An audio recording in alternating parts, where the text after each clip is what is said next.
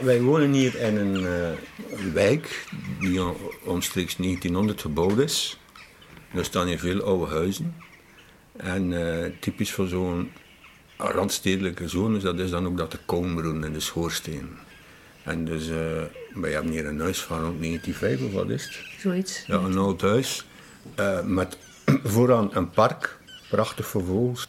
Je kunt daar nestmateriaal verzamelen, ze kunnen daar eten vinden.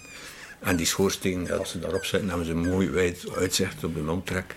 Het zijn kolonievogels, dus al bijna alles gewoon waar niet in het begin toch. We wonen hier intussen al 40 jaar zeker. Alle schoorstenen hier in dat, dat stuk gewijk, die hadden een nachtpaar van kolen.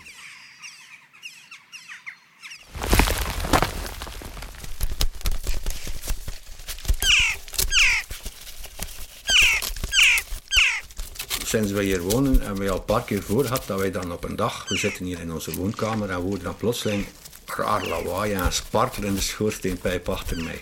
Dat bleek dan toch zo'n jong, zo'n groot jong te zijn die op een of andere manier door de takken heen eh, toch in de pijp was gesukkeld. Nu, dan sta je voor, al, voor een dilemma. Hè. Hoort dat zo'n beestje totaal gevangen zit in zo'n bijna een mijnschacht eigenlijk. Hè. En uh, je hoort dat spartelen en wat moet je dan gaan doen? En gelukkig met zo'n uh, zo'n schoorsteenpijp, je kunt dat wel wegtrekken. En dan met je hand proberen in te steken om die kou te kunnen naar beneden trekken en in huis te halen. Hè. En zo hebben we er een paar zo hebben, Zo hebben we er een paar gered, ja. Maar en die ruiken zo lekker naar de schoorsteen. Naar roet. Ja, roet. Zalige geur. Echt. Roetkoppen, ja.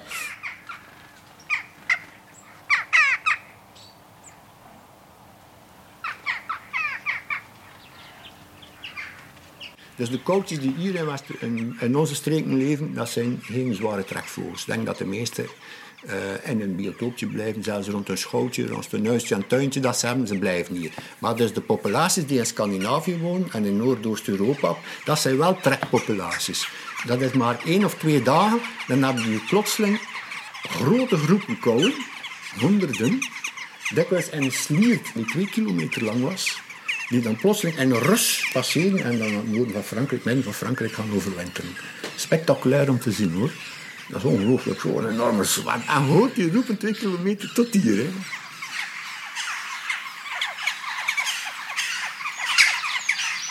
De verdeling is hier wel ja, typisch man-vrouw. Ik zit in de kelder. De, vrouw, de vrouw is voederen, ja, schermen. dat doe ik. Voilà. En ik ben nog altijd waarschijnlijk dan elementair de jager ja. die op zijn uitkijkpost zit boven en kijkt met de verrekijker wat er aan trekvogels passeert. Ik ben al begonnen met die telling in 2006. Ik hoor dikwijls zeggen, oh meneer, je ziet toch geen vogels meer, dat is allemaal weg. En dan ben ik te vertellen wat ik allemaal zie overvliegen. Dat is hier eigenlijk mijn cockpit van waaruit ik tel. Zijn niet van die heel oude dakvensters, maar dat vrij snel vervangen door Velux, dat je kunt openzetten. Want het eerste jaar had ik daar geen benul van. Hè. En ik had vroeger, als ik jonger was, was ik aan trektellen, dus trekvogels tellen van op een open plek in het Tillegaan bos. Ik kwam dan hier wonen en ik dacht, ja, dat was eigenlijk wel leuk. Tot op een dag zei ja, voert jongen, ik ga gewoon een keer kijken vanuit mijn zolder, wat ik zie vliegen. En was direct raak. Hè.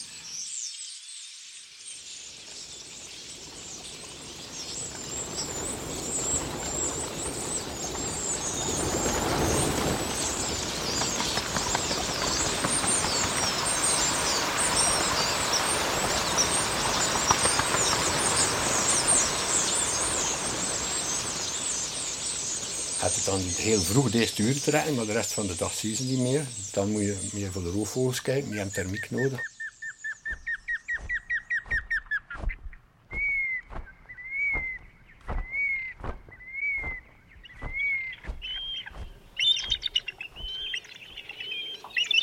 Zeearend, visarend.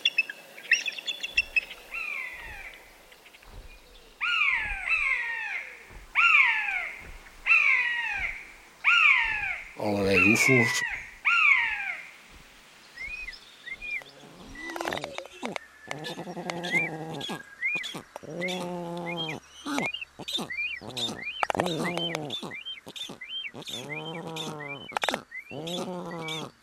Ooievaar, zwarte ooievaar.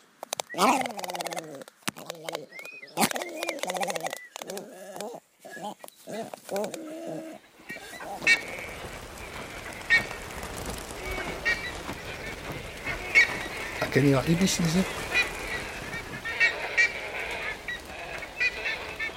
Ah, Lepelaars, ik heb hier op een bepaald moment het eh, record gehad voor Nederland en België van het aantal lepelaars op één dag. Dus ik heb dat ook contact en dat was heel eigenaardig. Ik keek op de telling die verschenen op net in Nederland. Ik dacht, maar hoe kan dat nu? Ik heb hier 800 lepelaars en je zou veronderstellen dat broedt veel aan de Waddeneilanden, de volgende kust.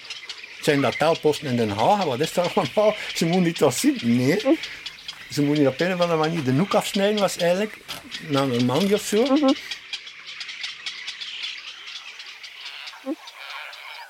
Het grootste aantal passeren het najaar natuurlijk. Op dat moment zijn de populaties aangevuld met de groot geworden jongen.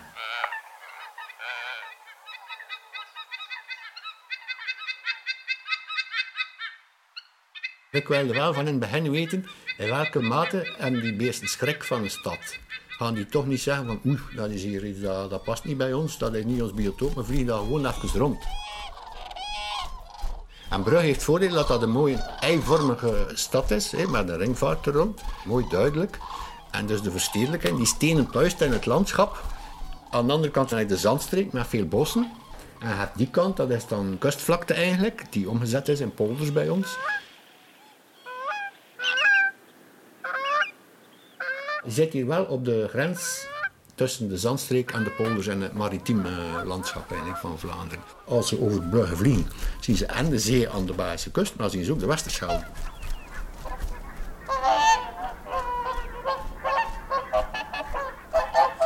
Het is nog altijd een verschil tussen wat er ter plekke overwintert of broedt als standvogel en wat dat er overvliegt. Hè. Want je kunt niet de zeldzaamste en de raarste vogels zien, die moerasvogels zijn of, of eendachtigen, zwanen en de polders, ganzen.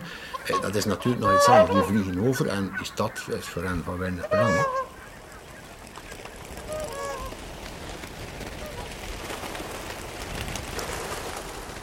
Eh, Ik heb hier intussen al honderdduizenden trekvogels zien passeren.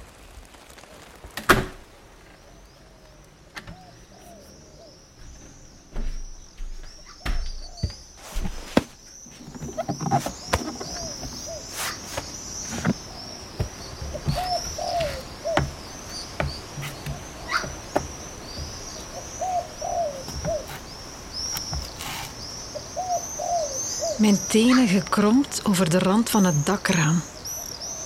Ik sluit mijn ogen en nu pas voel ik de wind langs mijn wangen stromen. Ik duikel uit het raam naar beneden. Vallen, vallen. Ik spreid mijn armen en instant schieten de veren toe. Prachtige vleugels heb ik. Krachtig. Ik sla ze uit. Enthousiast. Dankbaar. In een mum van tijd brengen mijn vleugels mij hoog boven de stad.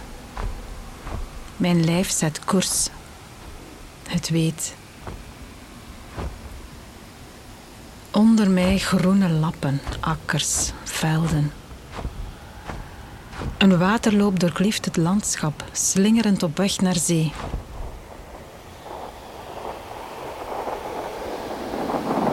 Een wolkenpartij. Ik zoef het zachte nat in. Overal druppels. Koude lucht stroomt langs mijn buik.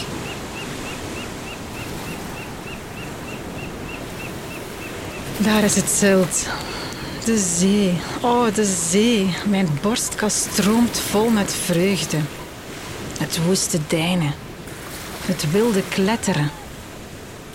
En de wind. De wind blaast al mijn veren schoon.